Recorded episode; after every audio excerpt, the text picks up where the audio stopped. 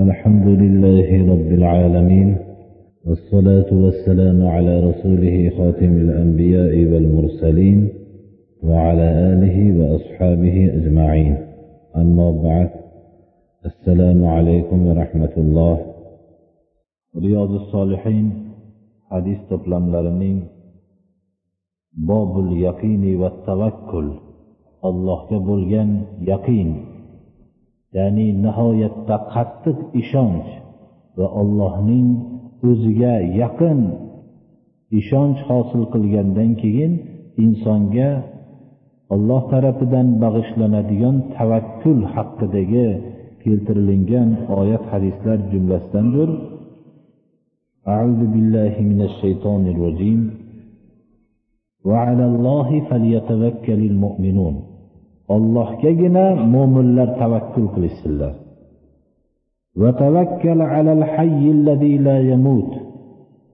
Hech o'lmaydigan tirik ollohga tavakkul qiling deb alloh subhanahu va taolo payg'ambarimiz sollallohu alayhi vasallamga buyurdi.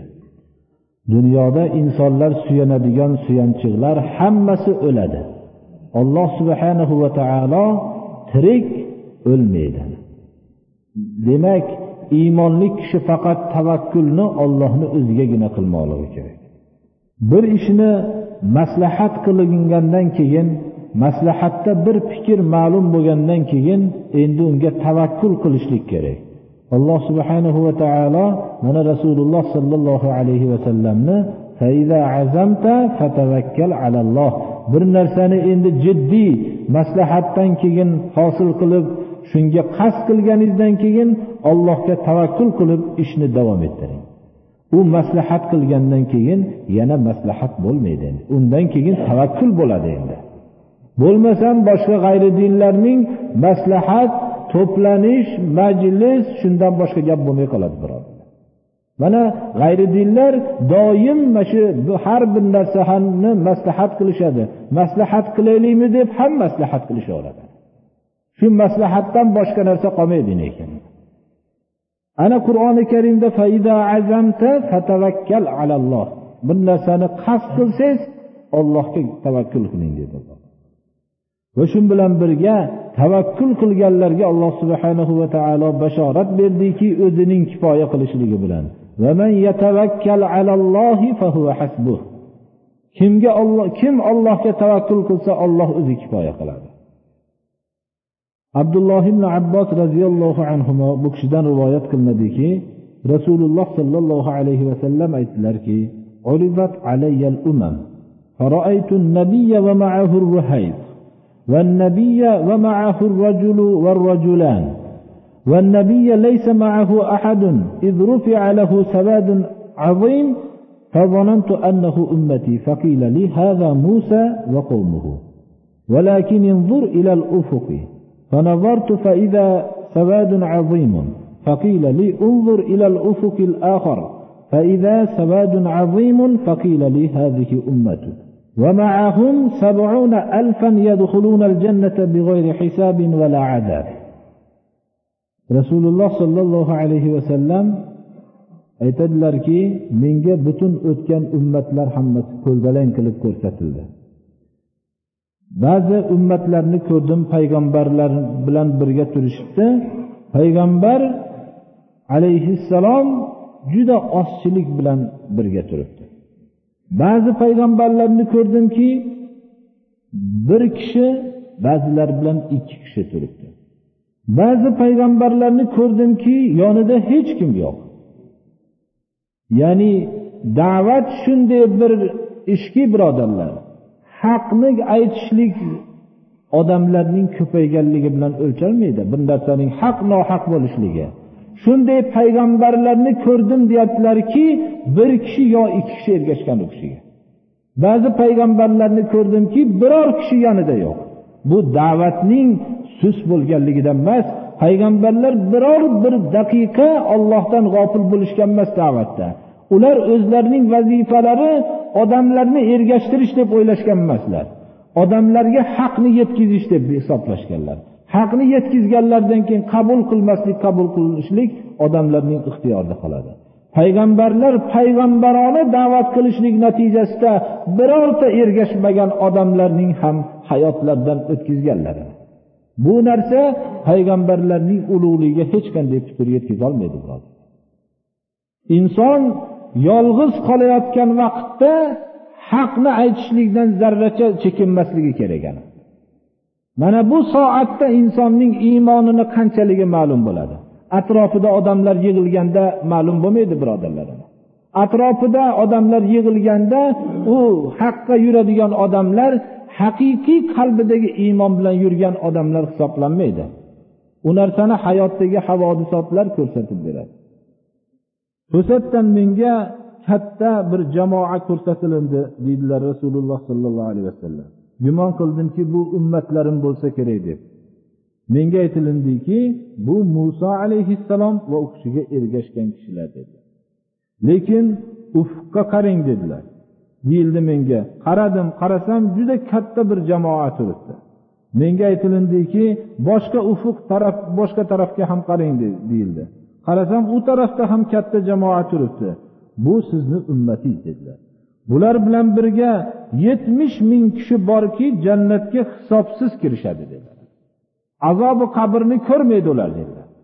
Muhaddis ulamolar yetmish ming kishini ko'pchilikdan kinoya yoyinki adad maqsad deyilgan vallohu alam biz bunga bizga bu qorong'u qanday ma'no bo'lishi ثم نهض فدخل منزله فخاض الناس في أولئك الذين يدخلون الجنة بغير حساب بلا حساب ولا عذاب. فقال بعضهم فلعلهم الذين صحبوا رسول الله صلى الله عليه وسلم؟ وقال بعضهم فلعلهم الذين ولدوا في الإسلام فلم يشركوا بالله.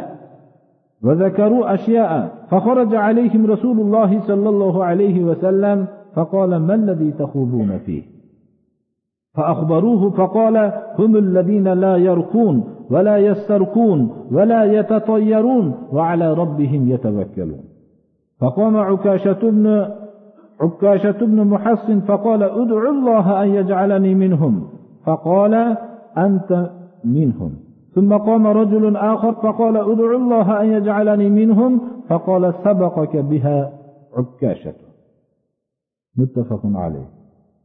Payg'ambarimiz sollallohu alayhi vasallam shu so'zni aytib o'rinlaridan turdilarda manzillariga kirib ketdilar. Manzil hammamizga mana ma'lum rasululloh sollallohu alayhi vasallamning masjidlaridan shunday bir darcha ochilgan shu darchaning narigi tarafi hujralari bo'lgan umrbod da'vatga o'zini bag'ishlagan kishilar xalqlariga shunday yaqin bo'lganki mana rasululloh sollallohu alayhi vasallam ibrat bo'lishlik uchun alohida bir salqin yo boshqa joydan joy qilmadilar faqat masjidni oldidagi hujrada o'tib ketdilar. Bu hujra shunday hujra ediki rasululloh sollallohu alayhi vasallam tahajjud o'qiyotgan vaqtlarida oysha onamiz mabodo uxlab yotgan bo'lsalar sajdagohlarda ba'zida oyoqlarini qo'llari bilan jildirib sajda qilishlikka to'g'ri keladi birodar. Ana bundan biz haqiqiy doi kim ekanligini ajratib olishimiz kerak. Rasululloh sollallohu alayhi vasallam manzillariga kirdilar. Odamlar jannatga yetmish ming kishi behisob kiradi deganlaridan keyin hammalari bular kim ekanligini haqida bahs yurib ketdi. Shunda ba'zilar aytishdilarki bu yetmish ming kishi rasululloh sollallohu alayhi vasallam bilan suhbatdosh bo'lgan kishilar bo'lsa kerak deyishdi. Ba'zilar aytdilarki islomda tug'ilib biror marta shirk maraziga giriftor bo'lmagan kishilar bo'lsa kerak keyin islomni qabul qilgan kishilar mastur bular deb bahs yurdi. Ba'zilar har xil fikrlarni bildirishdilar. Rasululloh sollallohu alayhi vasallam bu bahsdan xabardor bo'ldilarda chiqdilar. Nima haqda bahs qilyapsizlar dedi. Ular rasululloh sollallohu alayhi vasallamni xabardor qilishdilar. Aytdilarki bu yetmish ming hisobsiz kiradigan kiradigan kishilar duoxonlik qilmagan kishilar dedilar. Va birovlardan duoxonlikni talab qilmagan kishilar dedilar. Va ini har xil shumlanmagan kishilar har xil narsalardan har xil tolibatlarni olmagan kishilar dedilar.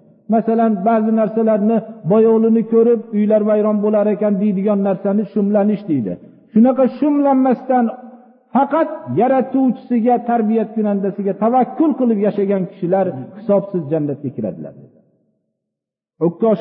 muhassin o'rinlaridan turdilarga yo rasululloh meni shulardan bo'lishligimni alloh subhanahu va taologa duo qiling so'rang dedilar.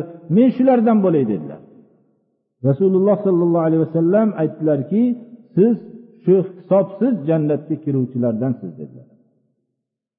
Boshqa kishi ham turdilarda yo rasululloh meni ham duo qiling shulardan bo'lay deganlarda ukkosha ya'ni sizdan ilgari bo'lib oldi deb indamay qo'ydilar. Ya'ni ukosha hozir marrani olib ketdi deb qo'ydilar. Mana bu hadis sharifdan olloh subhanahu va taologa tavakkul qiluvchi kishilarning alohida imtiyozlarini bilib olishimiz kerak. Har xil hech qanday mazmunni ifoda qilmaydigan duoxonlik qilib tirikchilik qiladiganlar va endi ungilarga ishonib yurganlarni yetmish ming kishidan mustasno qilib qo'ydilar. Ya'ni surai fotihani o'qib o'ziga va o'ziga oila a'zolariga farzandlariga bularga haqqiga duo qilib duo o'qishlik bu boshqa masala birodar. Duoxonlikni tirikchilikning asbobi qilib olishlik boshqa masala. O'zining davosini faqat duoxonlikka bog'lab olishlik bu boshqa masala birodar. Bu bir ahli ilm yo bir mahallani domlasini so'zi emas bu birodarlar.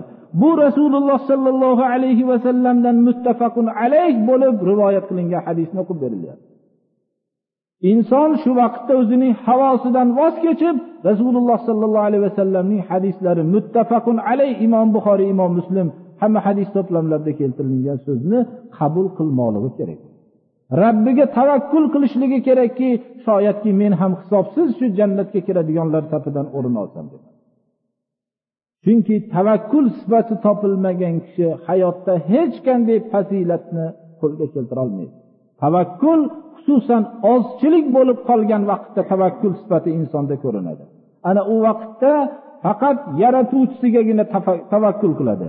Yaratuvchisi har qanday olamni vayron qilib tashlashlikka qodir deb biladi. Yaratuvchisiga tavakkul qilayotgan odam yagona o'ldiruvchiga tavakkul qilyapman yagona tiriltiruvchiga tavakkul qilyapman yagona rizq beruvchiga tavakkul qilyapman. Har bir ollohning sifatlarini bilib yagona aziz qiluvchiga tavakkul qilyapman yagona xor qiluvchiga tavakkul qilyapman degan sifatni ko'z oldiga keltiradi.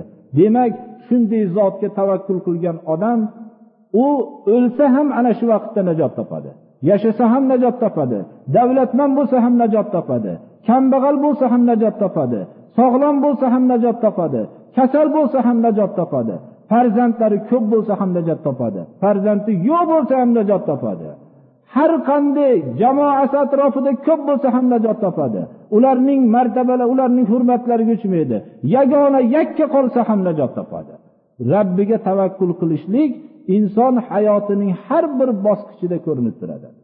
Shuning uchun u atrofdagi muhitdagi har xil zilzilalatadigan narsalarga hech qanday o'zgarmaydi. Faqat yaratuvchisining o'zigagina tavakkul qiladi. Boshqa uning suyanchig'i bo'lmaydi ana. Shu suyanchiq o'zi kifoya qiladi. Lut alayhissalom huzurlariga eng buzg'unchi kishilar mehmonlarini oldiga kelganda mehmonlar farishta edi farishtalar edi. Shunda xudoga yolbordilarki qaniydi meni bir suyanchiqlarim bo'lganda meni qarindosh urug'larim kamlik qilib atrofimda yig'ilgan odamlar ozlik bo'lib qoldi suyanchig'im mustahkam bir suyanchig'im bo'lganda deb insonlik zaiflik bilan og'izlaridan shu so'z chiqqanda alloh subhanahu va taolo tarafidan vahiy qilindiki sizni suyanchingiz kuchli dedi. Alloh. Ya'ni sizni ollohga suyanib turibsiz. Buni esdan chiqarmangki sizni suyanchingiz kuchli dedi. Alloh subhanahu va taolo ana shu millatni butun yer yutib yo'qolib ketdi ana payg'ambariga itoat qilmaganlik insonning suyanchig'i kuchli bo'lar ekan yaratuvchini o'ziga suyanar ekan lekin u bir suyanchiqni imtihonlardan bir o'tsin suyanchig'ining kuchli ekanligini madadkor ekanligini har bir daqiqada undan hech qanday beparvo emas ekanligini shunda o'zini hayotida bir sinab ko'rsin oldin u suyanchig'im yagona deb olgandan keyin. Har xil bo'sh suyanchiqlarga suyangandan keyin u olloh subhanahu va taolo unga suyanchiqlik qilmaydi birodarlar. Alloh subhanahu va taolo hammamizni ham shu tavakkul sifatiga shu tavakkul sifatidan mahrum qilmasin. Mana da'vat qiluvchi kishilarni xususan bu tavakkul sifatini ular bilan hamroh qilsin. Doim shu sifatga suyanishib hech qanday ro'barulardagi qarshilikka parvo qilmaydigan kishilardan bo'lishsinlar alloh subhanahu va taolo hammamizni ham mutavakkil kishilardan qilsin. Hayotimizni avvaldagi gunohlarni o'zi mag'firat qilsin. Kelajak hayotimizda shu sifatga sodiq bo'lib qolishlikni alloh nasib qilsin.